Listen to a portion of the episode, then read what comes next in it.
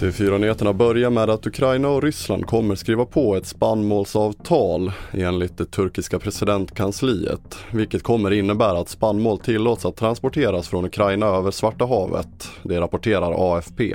Avtalet kommer att skrivas under i Turkiet under dagen och FNs generalsekreterare Antonio Guterres kommer att vara på plats.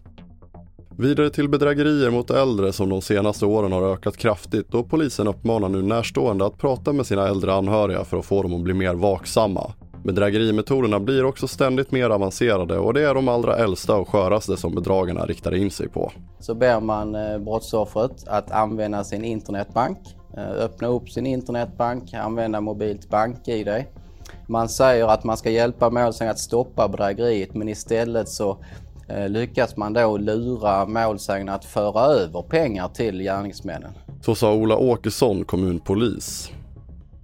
Vi avslutar med att spansk polis har gripit en man och en kvinna som är misstänkta för att ha stulit 45 flaskor vin sammanlagt värda över 1,6 miljoner dollar från ett hotell i södra Spanien. Det skriver CNN. Paret greps på gränsen mellan Montenegro och Kroatien tidigare i veckan och det skedde nio månader efter att brottet begåtts.